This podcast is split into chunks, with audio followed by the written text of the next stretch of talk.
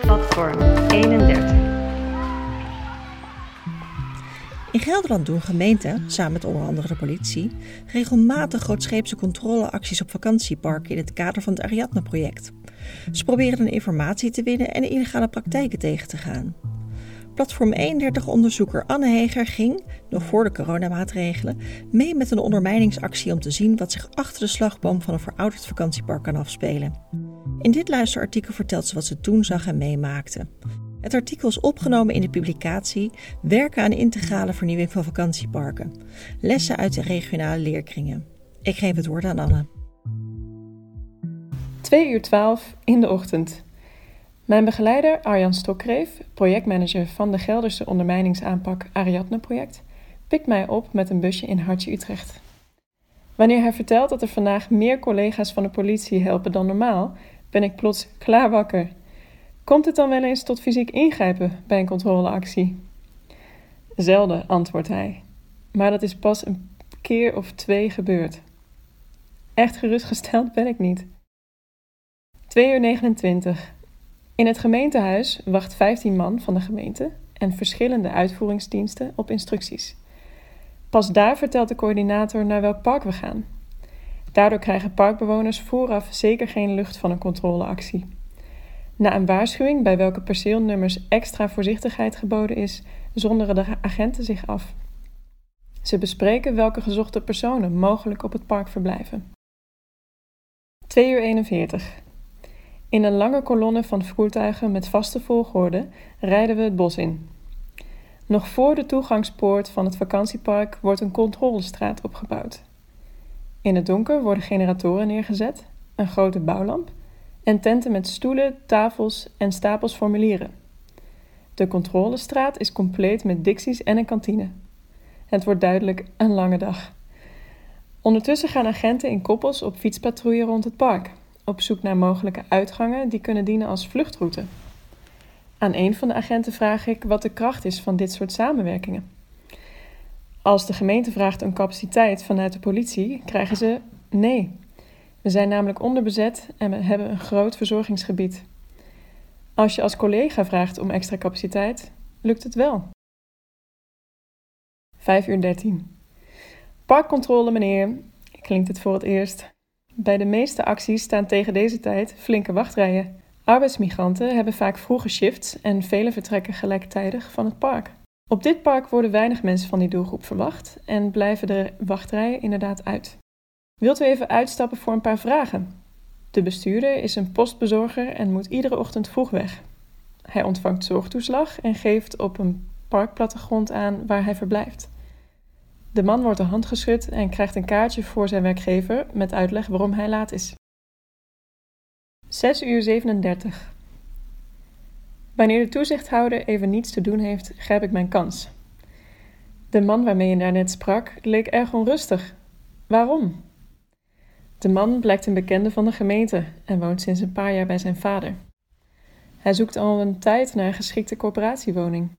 Zijn vader kampt met gezondheidsproblemen en de zoon is vanwege problemen met zijn moeder op het park komen wonen na een aantal maanden dakloosheid. Nu rijdt hij zonder rijbewijs rond.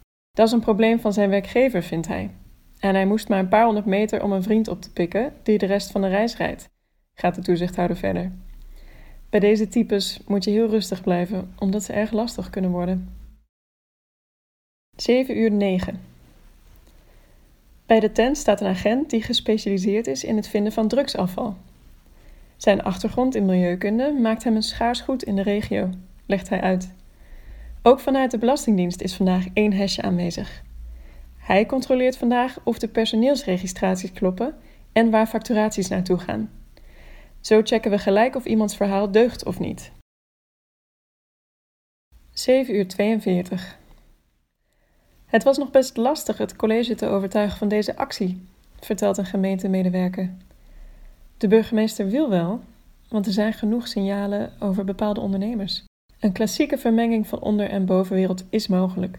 Ook kan de gemeente aan de voorkant wel handhaven, maar het sociaal domein plaatst aan de achterkant weer mensen op het park. Zonder een integrale aanpak blijft het zo doorgaan. of wanneer het geld dat de gemeente krijgt voor de aanpak van ondermijning tekortschiet. Is iemand van het sociaal domein vandaag erbij? Daarop antwoordt de ambtenaar ontkennend. Er waren geen aanwijzingen dat dit een park is waar we kwetsbare mensen kunnen verwachten. Ik knik, maar hoop ondertussen dat de informatiepositie van de gemeente op orde is. 8 uur 6. Agenten fietsen het park op. Ook toezichthouders volgen in duo's. Ze kloppen op deuren en stellen vragen aan bewoners en noteren per perceel hun bevindingen. Waar kijken ze dan naar? Is het blad aangeharkt? Zijn de ramen beslagen? Spinnenwebben bij het tuinhuis? Staan er nieuwe fietsen? Rondlopende mensen zijn ook een punt van aandacht, vertelt de toezichthouder. Soms blijven bewoners rondlopen, dan zie je niet bij welk huisje ze horen. Ook waarschuwen ze elkaar onderling. De toezichthouder heeft geen specifieke training gehad. Het is ervaring die hier spreekt. Wel krijgt hij vaker een agent mee aan zijn zijde. Je kunt erg kwetsbaar zijn als mensen niet blij zijn dat je er bent. 8 uur 18. Samen met mijn begeleider mag ik het park op. Vrijwel direct valt mij op dat er oude, vervallen caravans naast gloednieuwe bungalows staan. Het zal de ondernemer een zorg zijn wat er op het perceel staat, legt Stokreef uit.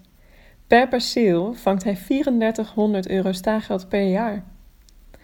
Stokreef wijst mij op tekenen van permanente bewoning. Bijvoorbeeld als er veel eigen spullen in de voortuin staan. Soms staan er dure auto's voor de deur. Dat is verdacht op deze plek. Wanneer we op de terugweg worden voorbijgereden door een nieuwe Tesla, kijk ik vragend op. Dat is de ondernemer die lucht heeft gekregen van de actie, zo blijkt. Hij stapt met zijn dure leren schoenen uit de auto. Zijn opslag oogt vriendelijk, toch lijkt hij niet blij. 10 uur 23. Ik voel de kou inmiddels tot op mijn bot. Steeds meer bekruipt mij het gevoel dat de bewoners als ratten in de val zitten. Toch blijft de sfeer om mij heen eigenlijk gemoedelijk. Niemand doet onnodig formeel en de meeste passanten lijken op hun gemak. Aan het eind van elk gesprek wordt altijd de hand geschud en een fijne dag toegewenst. Er wordt bewust gekozen om vriendelijk te blijven, om mensen niet meer stress te geven dan nodig is. 11 uur 30. De kou raakt nieuwe diepte en ik zoek de beschutting op van het busje.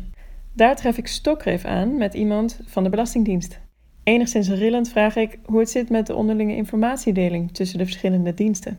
Een ontzettend lastig onderwerp, zo blijkt.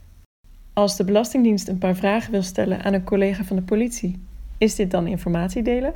En je mag het zeggen als je weet dat iemand interessant is voor de marechaussee, maar verder niets over de inhoud. Beide hopen vurig dat hier binnenkort verandering in komt. Ondertussen kijken we hoe de drugshond door zijn politiebegeleider uit de autokooi wordt gelaten. Het is echt alsof ik in een film zit. 11 uur 32.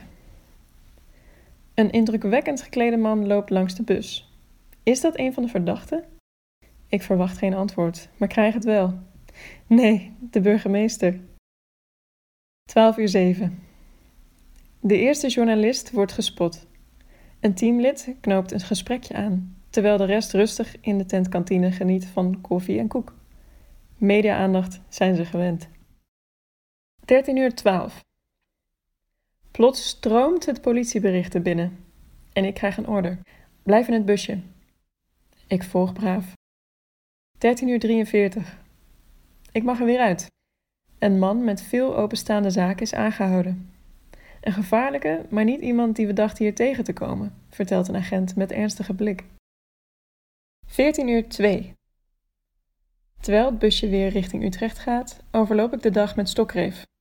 De controleactie is goed voorbereid door onder meer data-analyse en desk research. Toch is een inventarisatie ter plaatse ook essentieel. Dit beaamt stokreef. Ter plaatse kun je veel informatie inwinnen, bijvoorbeeld door te vragen aan wie de huur wordt betaald. En hoeveel dan? Zo kun je de geldstromen in kaart brengen. Ook de eigenaren van staakervens die niet in het kadaster zijn geregistreerd, kun je zo mogelijk achterhalen. Misschien kom je namen tegen van mensen die niet in je gemeente geregistreerd staan, maar wel de huur ophalen van honderden huisjes. Kent de Belastingdienst die personen wel? Kortom, stel vragen en schrijf alles op. Dat helpt. Platform 31. Wil je meer weten over het Ariadne-project of hoe andere gemeenten werken aan de vernieuwing van vakantieparken? Lees dan de publicatie Werk aan integrale vernieuwing van vakantieparken, lessen uit de regionale leerkringen. Je vindt de link daarvan in de beschrijving, maar je kan ook de publicatie opzoeken op www.platform31.nl. En als je er toch bent, schrijf je dan meteen in voor onze nieuwsbrief. Dan blijf je altijd op de hoogte van onze nieuwste onderzoeken en inzichten.